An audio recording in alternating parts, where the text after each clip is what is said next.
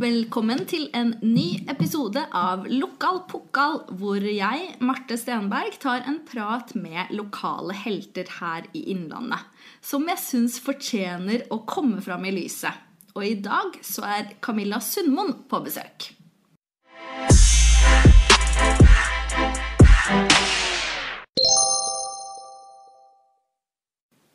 Ukens episode av Lokal Pokal er sponset av Hvil vingene dagspa. Unn deg sjøl et velfortjent pusterom i hverdagen. Tusen takk for at du ville komme, Camilla. Bare hyggelig. Morsomt å være her. Ja, så bra. Eh, du blir av mange betegna som Miss Storhamar håndball. Eh, og var i en årrekke kaptein og bærebjelke i laget med over 300 kamper til sammen. Og nå er du daglig leder for Storhamar håndballelite. Får du ikke nok av håndball? I perioder så tenker jeg jo det. Men uh, det har blitt en så stor del av meg. Uh, og jeg trives utrolig godt med jobben jeg har. Uh, og jentene i laget og teamet rundt. så det er, og det er masse utfordringer. Er ikke, nå er det ikke håndball lenger, selv om det er det det handler om på banen. Men det er jo så mye rundt. og det er gøy å få ta del i det òg. se hvordan klubben egentlig fungerer. For det er ganske mye jobb. Men jeg trives veldig godt med det. Så bra. Um, som barn så drømmer man jo ofte om på en måte å bli best i den idretten man holder på med. Uh, når var det du skjønte at uh, det her kan jeg på ekte bli skikkelig god til? Uh, det var vel når jeg kom opp som 16-åring i Elitestallen og skjønte at det her er nivået, ja. Da tenkte jeg nå må jeg jobbe hardt. og så var det en sommer fra vi rykka opp fra første divisjon til elite hvor jeg var en uh, jente som spilte håndball, til å bli en som uh, skulle ha det her som en, uh, ikke bare en hobby, men en jobb. Og virkelig gå inn i toppidretten. Åssen var liksom den omstillinga? Den var tøff, for da måtte jeg bruke ekstra timer av dagen til å trene. For jeg måtte, bli, jeg måtte trene mer enn alle andre hvis jeg skulle klare å nå igjen de som var bedre enn meg. Så det var tøft, men morsomt å se at resultatene kom ganske fort. Jeg er heldigvis ganske lettrent og har eh, bra sjøldisiplin. Eh, og kombinasjonen av det tror jeg gjorde at eh, jeg fikk tak i det ganske kjapt. da. Men selvfølgelig, det tar litt tid når du er 16 år og skal, skal vise deg frem. Det gjør det. Hadde du noe liksom hjelp til hvordan du klarte å, å vite hva du skal gjøre for å satse? Eh, Bent Svele og min daværende trener Arne Senstad var to viktige brikker. Og kanskje spesielt eh, Bent, som var veldig flink med oss unge. Så han eh, la lista ganske tidlig på, på hvor vi måtte hen, og ga mye backing og oppfølging når jeg var, når jeg var 16. Og den rollen har vært veldig betydningsfull for meg nå i ettertid. Det merker jeg veldig godt når jeg ser på de unge som kommer opp i dag. Hvor mye støtte man trenger for å tåle den overgangen. da for den er ganske tøff. Vi må snakke litt om landslagsdebuten din i ja. 2012. Mm. Eh, hvordan var det å endelig få sjansen? Du, det var, det var, stort. Det var eh, Jeg ser på spillere som står og synger nasjonalsangen, og så skjønner jeg så godt hva de står i. For det er, eh, det er kjempestort. Og det var gøy å endelig få lov til å vise seg der. For du var jo 27 år, var du ikke? Så var liksom litt oppe i alder òg. Jeg var litt oppe i alder. jobba for det en stund? Ja, jeg hadde jobba for det en stund. Eh, men jeg var ikke, med, jeg var ikke stabil nok, syns jeg sjøl, før jeg var i den alderen der. Det var da jeg følte at det virkelig um, satt godt. Og jeg visste hva jeg skulle gjøre til hver eneste kamp. Så det er ikke noe nag på det at jeg kom sent inn. Det var sånn det var. Eh, og da fikk jeg i hvert fall sjansen. Og så gikk jo det som det gikk. Men, eh, men eh, jeg fikk sjansen, og det, det, har vært et høydepunkt ja, altså, i min karriere. Absolutt. Det er jo stort å kunne liksom se tilbake og ha sjekka av den. Ja, det er artig å ha den. Og fikk faktisk landslagsdrakta som henger hjemme nede i kjelleren. Selvfølgelig, treningskjelleren min. Som, som jeg, så det er et godt minne, altså. Det er det. Men eh, ja, du var litt inne på det. Det gikk jo kanskje ikke helt eh, etter planen, for mot slutten av den debuten så ble du skada. Ja, det smalt. Eh, det var i siste sekundet. Jeg var vel uavgjort mot Russland. Så leder vi med ett. Jeg husker ikke helt. Men vi, Vi løpte retur, både jeg og Linn Gosset, som da spilte på Tertes, og krasja så det sang på veien tilbake der. Da røk jo det meste i kneet. Altså ikke korsbånd, men ledbåndet var jo knust. Eh, så da reiste jeg meg opp, tenkte at adrenalinet tok meg, og så gikk et intervju, og alt var greit. Og så ble jeg så dårlig da jeg kom i garderoben. Kvalm og uvel og ja. Kjente at nå, dette gikk ikke så bra som jeg trodde. Så Men har det vært sånn surt etterpå å tenke på at For det var jo et EM rett i etterkant av den debutkampen din, tror jeg, som du potensielt kunne på en måte ha fått med deg, da. Ja, I og med at det gikk så bra i den kampen, eh, som jeg da fikk debutere i, eh, så hadde nok sjansene vært eh, i hvert fall til stede. Men jeg bærer ikke noe nag. Det er sånt som skjer. Og jeg på en måte fikk beskjed av Toril ganske kjapt at du får sjansen igjen. Og det gjorde jeg jo. Men nå gikk det jo da tre samlinger etter hverandre hvor jeg da fikk skader på nytt. Så jeg var litt uheldig. Og det har jeg jo tenkt i etterkant på at Tenk om det ikke hadde skjedd alle de tinga man, man, gjør. Men så er jeg veldig sånn jeg klarer å legge det vekk ganske fort. da. Man får ikke gjort noe med det som har vært. Uh, man må bare leve med det. Ja. ja. og så har du født to barn. Ja. Og hatt, uh, som du er litt inne på, en haug med skader. Mm. Uh, før du la opp i 2019. Ja. hvordan var det å ta beslutningen om å legge opp? Du, den var, den var tøff. Det var den. Uh, samtidig så følte jeg at jeg var mye borte hjemmefra. På den tiden så var det sånn at vi jobba Jeg jobba vel 50% stilling i klubben samtidig. Og var på trening på ettermiddagen og syntes at jeg så dattera mi ganske lite. Eh, så det ble en oppveiing der til slutt, og i tillegg få en til. Og belastningen på den andre, som, eh, altså min samboer, da. Den eh, veide tyngre enn å fortsette. Um, og så er det noe med at kroppen min skal ha resten av livet. Og knærne har fått gjennomgå i løpet av håndballkarrieren, så det var egentlig et greit valg, men selvfølgelig tøft. Ja, fordi føler du at du har liksom tynt kroppen din til det ytterste i forhold til skader og, og det å faktisk ha en helse etter karriere òg? Uh, nei, jeg tror jeg ga meg akkurat riktig. For det, selvfølgelig. Uh, men jeg, jeg um, det var ikke at jeg hadde så mye skade, men det var mest det, det ene kneet mm. som, som brista litt. Uh, og jeg kjenner at i slutten av håndballkarrieren så klarte jeg ikke å sitte på knærne uh, med dattera mi. Og da tenkte jeg nå må jeg på en måte trappe ned, eller i hvert fall sørge for å få dette her bra. Uh, og så har det gått veldig fint etter det. Så nå er det bra, og da tenker jeg at det ga meg akkurat riktig tidspunkt at det fortsatt kunne bli bra. da. Mm. At det ikke har ødelagt det hele, hele veien. Så du har fortsatt nå, etter at du har slutta med håndball, et velfungerende kne? Jeg har et velfungerende kne. Jeg kan gå på ski. Det kunne jeg ikke en periode. Jeg kan det jogge uten å få vondt. Uh, og ja Jeg syns jeg kan gjøre alt jeg trenger å gjøre. Ja, jeg klart å hoppe på huk er ikke det beste, men det, det må jeg ikke gjøre. så lenge jeg kan gjøre alt mulig annet. Men var det hardt å på en måte si farvel til den fasen av livet hvor man er aktiv idrettsutøver? Eh, jeg syns egentlig det gikk ganske fint fordi jeg skulle fortsatt jobbe med det. Mm. Jeg skulle fortsatt være en del av gjengen. Eh, og så har det fada på en måte mer ut til å bli mye mer administrativt enn det var i overgangen. Men jeg fikk en veldig fin overgang ved at jeg skulle jobbe med det videre. Og da syns jeg jeg klarte å opprettholde det sosiale med håndball, som er ganske mye når du er midt oppi det.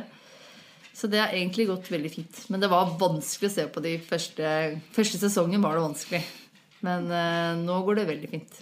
Kribler det noe i henda? Eh, ikke så mye lenger nå. Nå har det begynt å roe seg. Men uh, det er klart når de har de morsomste kampene, de, de viktigste kampene, så er det jo selvfølgelig Kjenner at det, eh, det, har gjort noe med deg når du sitter på benken her og ser på at de spiller. Men uh, de spiller så godt at det er uh, bare en fryd å kunne nå se på og slappe av og kose seg med og se på laget sitt. Ikke sant? Mm. Vi skal snakke litt mer om karrieren din og kjærligheten til Storhamar. Ja. Men først så kjører vi på med noen faste spørsmål. Ja. Spørsmål én. Hva er din favorittspot i regionen her? Favorittspot, ja. Tenker du på sted da? Ja, eller ja. hvilken som helst Hvilken plass, som... eller Du, jeg er eh, veldig glad i eh, altså stien rundt Mjøsa. Altså kunne gå der, jogge der, ta med ungene ned. Og det går liksom alt fra Espern eh, til eh, fiskehytta på, på Gjesnes. Jeg syns det er så fantastisk. Jeg får så ro, og det er så fint å se utover. Og ja, det er noe med roen som gir Ja, jeg meg. helt Eh, enig. Det er sånn skikkelig sånn mental eh, Ja, sjelefred, liksom. Man bare går Ja, men det er det. Og bare få litt luft og se utover og tenke at eh, det her bor du to kilometer unna og kan gjøre hver dag. Og I en hektisk hverdag så er det deilig. Mjøsa er flott, altså. Ja. Ok, Spørsmål to. Har du noen andre lokale helter som inspirerer deg? Du, jeg syns det skjer så vanvittig mye bra på, på arrangementssida rundt Hamar. Altså alle ting som skjer i byen, fascinerer meg, altså, fascinerer meg voldsomt. Jeg syns jo sånn som Morten Midtlien blir en sånn lokal helt for meg, som kjører opp arrangementer, som drar byen videre, og som får byen til å samles på store steder hvor det skjer ting. Eh, Jeg syns det har vært en vanvittig utvikling. Og jeg, det er så, jeg blir så stolt av å ta med meg da, spillere som kommer til byen og viser litt rundt. Og ta dem med på arrangementer. Jeg husker i, var det i fjor det var så mye mm, aktivitet på isen.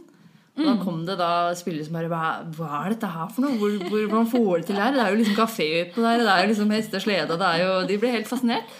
Og det er liksom byen min og vår, da. Som noen arrangerer, noen står på for å få til. Og Jeg blir rørt av at vi prater om det nå, liksom. Ja, men jeg- jeg- lokalpatriot. ja, men vi er jo det begge to. Og folk som liksom gir så mye av seg sjøl, og som får til så mye ting i den byen her, jeg blir, de er liksom mine lokale helter. For de gjør at folk har lyst til å flytte hit, folk har lyst til å bosette seg her. Og det er superviktig for meg eh, å se denne utviklingen vi er i.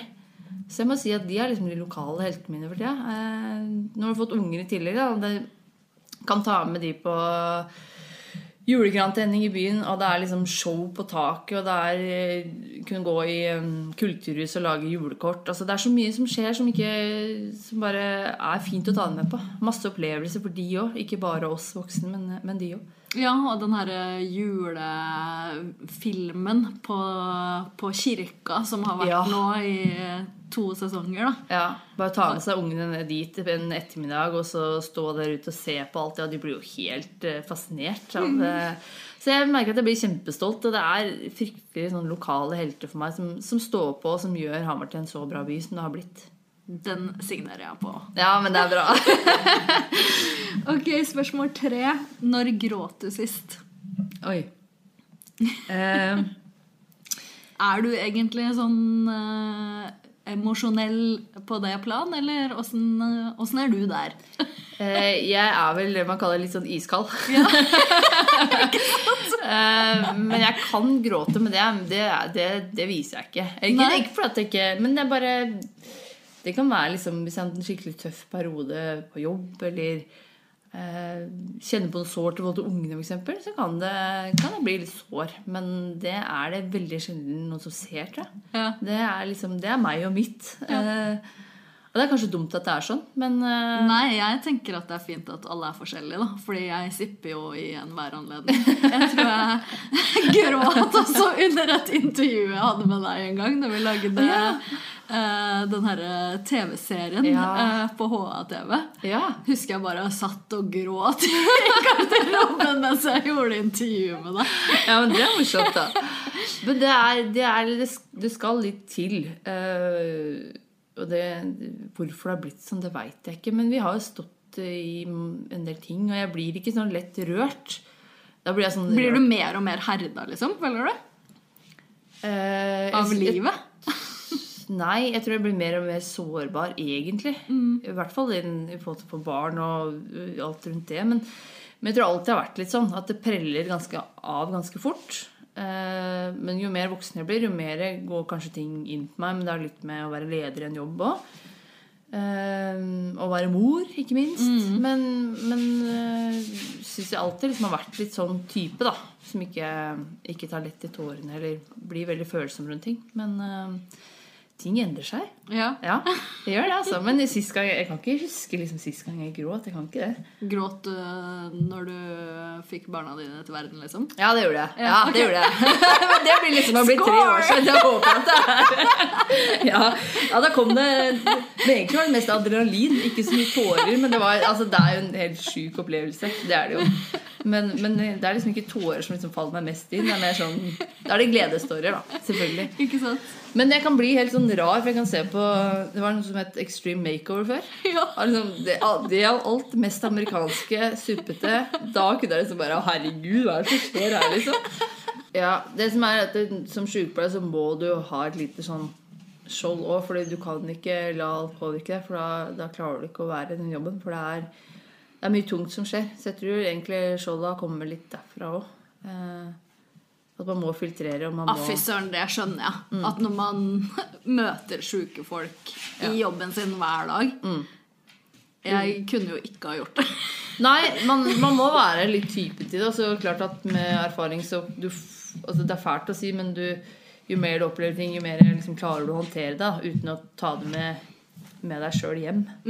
Men i starten var det litt vanskelig, for det blir jo kjent med folk. Det er jo vanlige mennesker som deg og meg som, som får fryktelige øh, beskjeder. Ikke sant? Um, så må man snu det til å tenke at man kan være der for noen i en vanskelig periode. Eh, prøve å motivere til å ha gode dager. Altså, ja. Det er en av de tøffeste yrkene sånn på følelser og, og såre historier. Altså. Du blir jo betegna som en av svært få klubbspillere eh, i dagens eh, sportsverden. eh, du har vært tro mot Storhamar i hele din aktive karriere. Og ble til og med ned i førstedivisjon da laget ble degradert pga. økonomi. Så jeg er så ufattelig imponert over lojaliteten du har vist til klubben. Men også av alle skadene du har hatt, opp igjennom som du ikke har latt stoppe deg fra å gjøre det du brenner for. Eh, og at du har hatt motivasjon og pågangsmot til å gang på gang komme tilbake på håndballbanen, er veldig inspirerende. Hva slags vurderinger har du gjort sjøl med tanke på spesielt det her med å være tro mot Storhamar, da? Og ikke velge noen andre klubber? Du, det var faktisk sånn at jeg var eh, på vei til Stabæk et år. Eh, og så fikk jeg også et tilbud fra en dansk klubb som jeg vurderte. Og det er jo, alle har jo det lyst på det eventyret som man snakker om. Ja. Eh, men jeg Jeg har et veldig sterkt forhold til klubben. Det er ikke noe tvil om. Jeg har vokst opp her. Jeg har fått folk som har vært rundt, som har bygd opp min karriere. Eh, og de har alltid mm, latt meg få en posisjon som, som jeg har trivdes med. Eh, og så har ikke penger vært en så stor betydning for meg. Det har vært mer viktig å trives. Eh, ha en god hverdag. Eh, kunne ha litt ved siden av håndballen. Det var mer normalt tilbake, men det å skulle ha en utdanning ved siden av. Så totaliteten på å ha det bra i hverdagen, eh, kunne ha en utdanning ved siden av eh, og virkelig spille for en klubb man brenner for, det har vært så viktig for meg. Og derfor har det gjort at jeg har blitt sånn, tror jeg. Eh, Men du kunne vært danmarksproff. jeg kunne vel vært i Danmark, i hvert fall, men jeg syns jo mange historier ikke blir at jeg blir den håndballproffen som var i Danmark. Eh, Noen lykkes veldig godt, mens noen også kanskje får et lite steg tilbake. Eh, Og jeg tror liksom den vurderinga om, om når det er riktig å dra ut, er veldig viktig. Og om jeg i det hele tatt skal gjøre det hvis håndballen i Norge er så bra som den har vært. da. For det er klart at det å være proff i Danmark eh, på lag 7, 8, 9, tjene godt med penger, er ikke bedre enn å være i en toppklubb i Norge, mener jeg. Så det å se på utviklinga si totalt, hvor man posisjon man har i klubben, hvor godt man trives, og det å kunne ha noe ved siden av å falle tilbake på, det har vært viktigere for meg enn, enn å ta to år i Danmark og sjekke om jeg har noe der å gjøre. Og det føler jeg, det angrer jeg ikke et sekund på. Men det er veldig bra da, at du sitter nå i ettertid og kjenner at det var riktige valg for deg å ta. på en måte. Ja, Jeg syns, jeg syns det har vært riktig med. Jeg har ikke angrer et sekund. Ehm, Jeg har ikke tenkt så mye på det heller. At og jeg kunne vært der, men jeg tror ikke det hadde gitt meg så mye mer. Fordi jeg har fått en så utrolig bra opplevelse gjennom Storhamar at eh, den eh, Noe bedre tror ikke jeg kunne fått det. Og det har jo vært veldig mye Uh, opp- og nedturer også i den perioden du har vært i Storhamar. Det har jo vært en voldsom reise, egentlig, sjøl om du har vært i en og samme klubb. Ja, det har vært eh, mye opp- og nedturer. Det har det vært. Men det alltid, gir meg alltid så mye å stå i det når det er som verst. Det siste jeg får en sånn utfordring som jeg bare tenker at det her skal vi fikse. Eh, Det var sånn når Arne ringte meg da i 2015 og vi da Du må være med ett år til, selv om vi blir førstevisjon. Vi skal rette opp igjen. Jeg må ha med deg. Du må være den første som sier ja, for da drar du med de andre. Og da tenkte jeg det er ikke noe tvil. Dette skal vi få til. For det fortjener klubben å få tilbake av oss som har vært der, og som, eh, som har gjort det så bra for oss opp igjennom. Så da Åh, var det det syns jeg er så stort, ass. At uh, man har det mindsettet, liksom. At man bare Ja, men da spiller jeg en hel sesong i første divisjon, sjøl om jeg veit at uh, jeg kan hevde meg i Eliteserien, liksom. Ja, men det sier litt om samholdet i klubben som var da òg. For det, vi var en gjeng som hadde veldig bra utafor banen òg. Og en trener som, eh, som sa at han skulle eh, liksom dra lasset. Da var det lett å bli med, jeg. Eh, Ikke minst fordi at klubben nå trengte oss som mest, og at vi da alle skulle stikke det Sånn er jeg ikke som person. Da prøver jeg heller å bli i det, stå i det sammen, og så prøve å gjøre det beste opp, så vi kommer oss tilbake. Ja, du slår meg jo også som en eh, veldig tøff person. som Ja. klarer å stå i sånne ting. Jeg er nok ikke så tøff som jeg kanskje virker. Eh, men, eh, men jeg har, jeg har noen sånne prinsipper hos meg sjøl. At man stikker ikke når det brenner som verst. Eh, da prøver man heller å brette opp armene og gjøre en, en innsats for de som har gjort noe for meg opp gjennom alle åra. Eh, og samhold og, og glede med det, de rundt, det, er, eh, det har vært ekstremt sterkt i Storhamar i alle år. Og det er eh, noe av det fineste med klubben vår. At eh, folk trives, folk har lyst til å bli. Eh, ser jo det på den som bosetter seg her, som egentlig er fra alle andre steder. Det syns jeg er utrolig fint, altså. Enig. Eh, du har også fått da to barn mens du har vært aktiv håndballspiller. Eh, hvordan har det vært? Du, det har vært eh, Hva skal man si? Jeg husker liksom Det å bli gravid når du er håndballspiller, er, eh, det er litt vondt. Fordi at man vet at man blir ute i ni måneder. Kanskje, eller mer òg, for du skal jo være gravid, og så skal du føde, og så skal du komme tilbake. Så det er liksom det å si det til en klubb at nå, nå ble jeg borte et år, den er ganske tøff. Og så mm, vet jeg at det, er, det gir jo bare masse glede å være det. Gravid og få barn, det er jo ingenting som er større. Men det er litt sånn her, til man får sagt det, og liksom det blir offentlig, og hvordan reagerer de ulike, så er det litt sånn ja, Hva skal man si, ja? Eh, litt ubehagelig.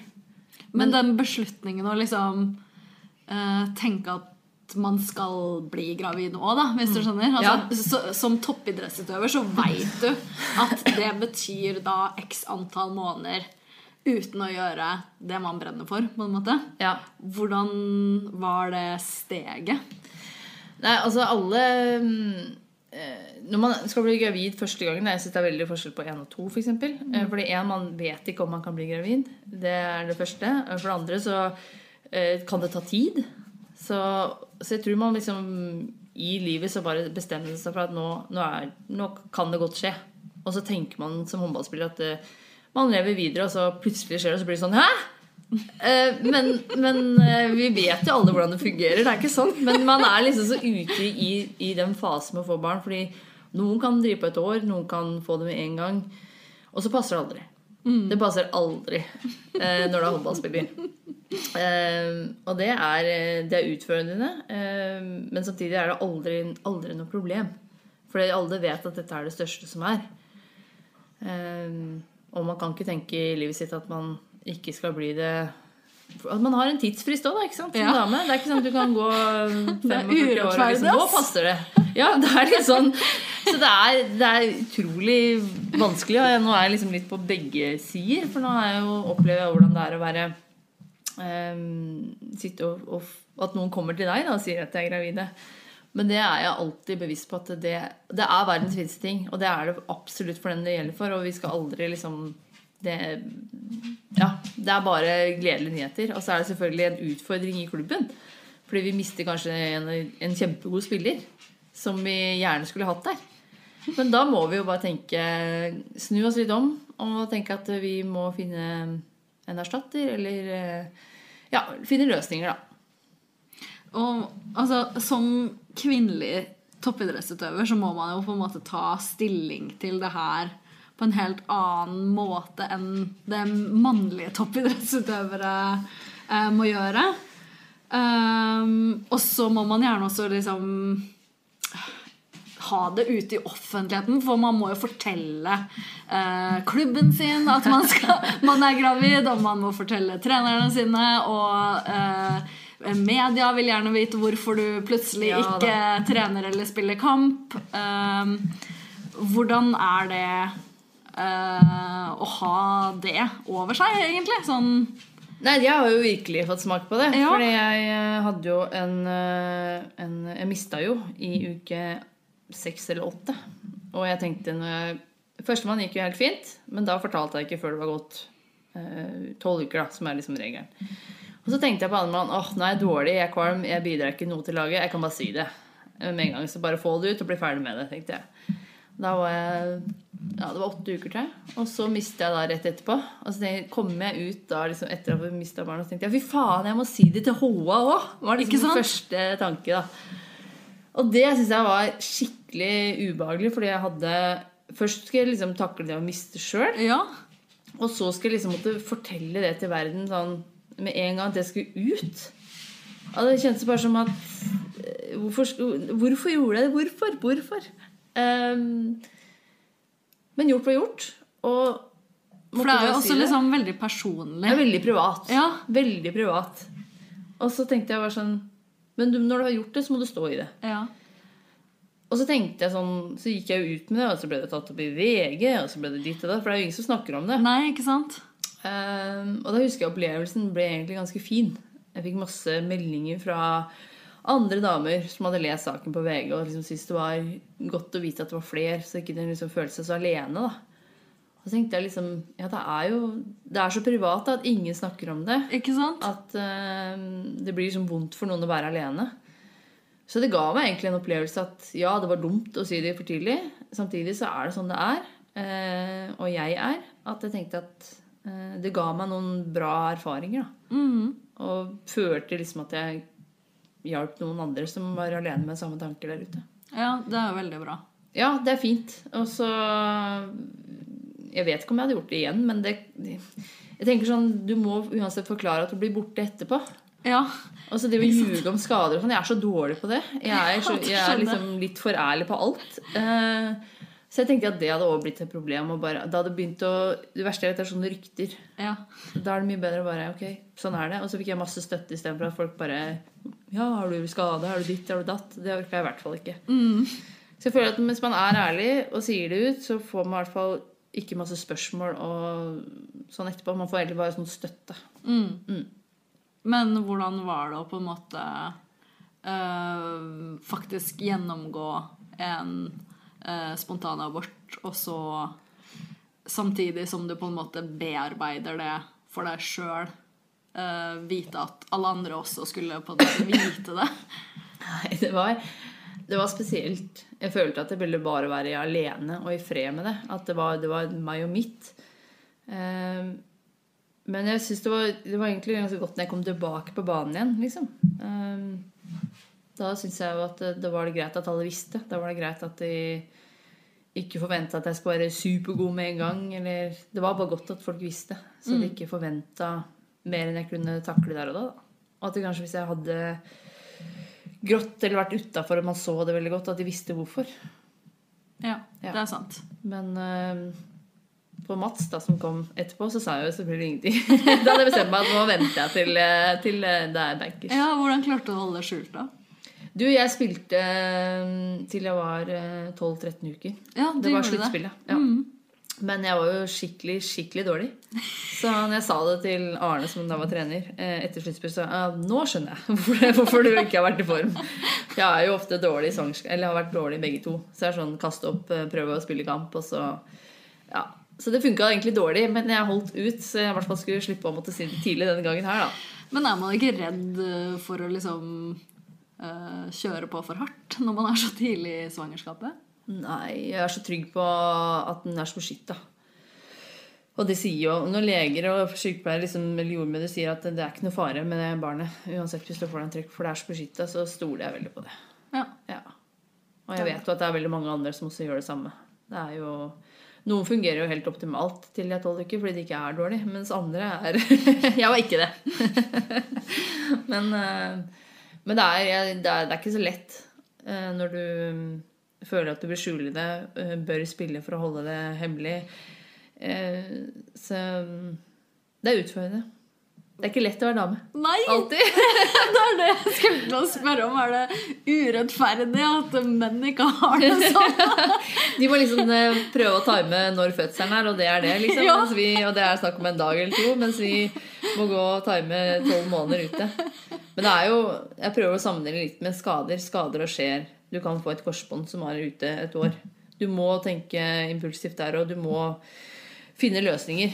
Um, så det, det er ikke noe sånn at vi ikke, ikke får det til, eller um, syns at det er så utfordrende at det ikke er mulig. Mm. Men, um, men ja, det er, det, er ikke, det er ikke lett.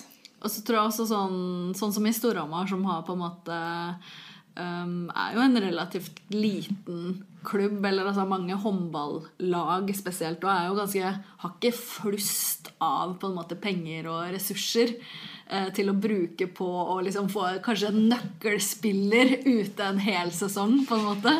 Nei, og så er, jo, er det jo sånn at vi har jo noen frister. Og så er det jo sånn at en sesong begynner i august. Og da har, altså, mange begynner å signere da året før. ikke sant? Så de spillerne som man da kunne erstatta med, er jo under kontrakt med andre klubber. Og så har vi en frist i midten av februar som gjør at vi ikke kan hente noen andre eh, etter den datoen. Og det er mer i den andre fasen hvor jeg er i nå, som leder og tenker hvordan hvem, hvem fins der ute? ikke sant? Må du begynne å lete. Er det noen som ikke har kontrakt? Er det noen som, eh, som ikke trives i en klubb, som kunne liksom komme ut? Eh, det var litt som med Eli nå, at vi var heldige og fant henne.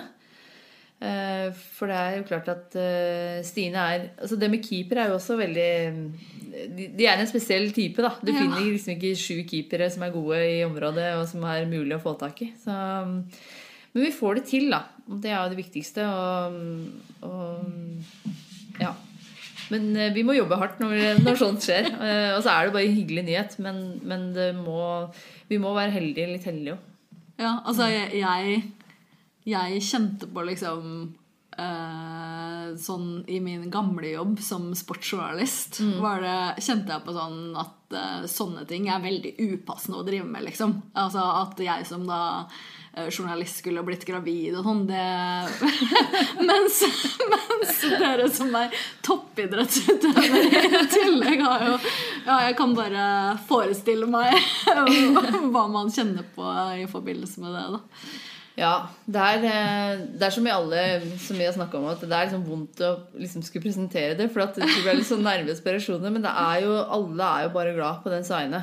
Eh, For det er, så mye, det, er, det er jo det største du kan oppleve i livet. Og håndball blir liksom ikke viktig i det. Men for oss som driver med håndball hele tida og prøver å utvikle oss, så er det jo liksom viktig at vi har, har en spillertall som er god òg, og som presterer sammen, og som, eh, som fungerer. Så nå ser jeg virkelig begge veier av det. Eh, Men jeg, kommer aldri til å Det å få barn er det største som er, så det er ikke noe å lure på engang. Men eh, jeg tenker jo at eh, alle spillerne i Storhamar er heldige som har en daglig leder som er så reflektert på det der, da. Ja, det er jo en fordel å ha gjort det sjøl, da. Ikke sant? så Hvis det kommer noen, så sier jeg men dette kommer til å gå fint. Ikke sant? Eh, nå skal du være liksom det største som er i hele verden, og det er- overgår alt det her. Og så skjønner jeg at det er litt ubehagelig å si det, men, eh, Men vi, vi, dette er jeg fullstendig støttende på. Det er jo ikke noe, det er ikke noe å lure på engang. Eh, og så skjønner også spillerne De er jo såpass voksne at de forstår at det er vanskelig. Men, eh, men det er ikke Jeg vet alt om det å time. Det er ikke så lett. Eh, vite hvordan ting er. Altså, det er masse faktorer man ikke vet òg, eh, mellom to stykker som man skal ha respekt for. Absolutt. Eh, for å avslutte litt håndballkarrieren din, eh, hva er det beste minnet ditt? Og det er mange, altså. Eh, Men det er klart at den landslagskampen står jo høyt, da. Det må jeg jo si. Det å få debutere med flagget på brystet. eh, Få lov til å spille en sånn kamp hvor du da gjør det bra i tillegg. Det sitter kanskje aller høyest. Eh, Og så er det jo en eh, enkeltkamper. Eh, Buduknost-kamp i Prestehallen. Hvor vi vinner mot et antatt veldig mye bedre lag. Um, hvor vi spiller helt fantastisk. Så den følelsen etterpå. Um, men det er, det er masse kamper, men så er det egentlig samholdet som liksom kommer størst frem. Hva det har gjort med meg som person. Hva mange vennskap jeg har. Um, som, som betyr mye for meg nå, og som kommer til å være det for resten av livet. Så um, landslag, eh, noen enkeltkamper som har vært helt fantastiske, og samholdet. Eh, Det er veldig godt oppsummert. ja, og alle de eh, man har møtt opp gjennom veien, både frivillige og folk, som er bare helt fantastiske. Det er eh, stor respekt, altså, for alle de jeg har møtt der. Det blir nesten litt sånn Det er nesten litt sånn varmt. Jo, men det er, det er så mye fine folk. Isdronninga Isdronninga. Når det kommer til folk og hva man gjør for en klubb og frivillighet, så da blir jeg Det har jeg så vanvittig respekt for. At det finnes sånne folk. Jeg veit. Det er helt fantastisk. Ja, det er, eh, det er rørende, rett og slett. Det er det. Ja. Og det er jo egentlig dere sånn Idretts-Norge er litt tufta på, da. Da Ja. hadde vi vært uten frivilligheten, på en måte. ja, og det merker jeg ekstremt godt i jobben nå, hvor avhengig jeg er av de frivillige. Eh, og hvor artig vi har det når vi er sammen. Eh, det er vennskap som skapes i det, altså. Som jeg eh, setter stor pris på. Det er ikke sånn at du må være i samme aldersgruppe heller. Vi kan være 30 år imellom oss og ha det kjempeartig. Og det å få sånne vennskap og kjennskap til folk, eh, og vite at, vi, at folk som har det litt vanskelig ellers, kommer til hallen og syns at der trives de og har det bra, det gir masse. Masse energi og masse motivasjon masse glede til å fortsette der man er i jobben. Du er litt inne på det. Uh, har du noen drømmer for deg og Storhamar nå i framtida? Du, jeg har en veldig drøm om å komme til Champions League. Uh, det har jeg. Det er det neste steget for klubben. Vi har vært veldig stabile på en annen plass i Norge. Og vært i cupfinale og vært i European League og skal til kvartfinalen der nå. Men det å kunne få en Champions League-plass og få de største lagene til Hamar, det er en stor drøm. Fy søren, da kommer jeg. Ja, det håper jeg. det er liksom den store drømmen som vi, vi jobber med i sånn tre til fem års perspektiv nå. Så, og vi er ikke så langt unna. Eh, Og det gir liksom den ekstra motivasjonen man trenger for å jobbe knallhardt hver eneste kamp nå for å, for å få de store laga til Hamar. Og virkelig sette oss sjøl på, på kartet. Håndballkartet. Åh, jeg gleder meg. Ja, det, jeg gleder meg skikkelig til den perioden fremover nå. Jeg tror det kommer til å skje mye spennende. Så gøy. Det Ja. er jo veldig lovende for Hamar, da. Ja, det er det, altså. Så jeg tror vi skal få mye bra eh, arrangementer som gjør at eh, Hamar virkelig kommer på håndballkartet i Norge. Og kanskje i hele Europa. Det, det er stas. Byen vår, vet du. Ja, Ja, jeg noterer meg det. ja det er bra. Og så sier jeg tusen takk for at du ville komme. Bare hyggelig. Takk for at jeg fikk komme. eh,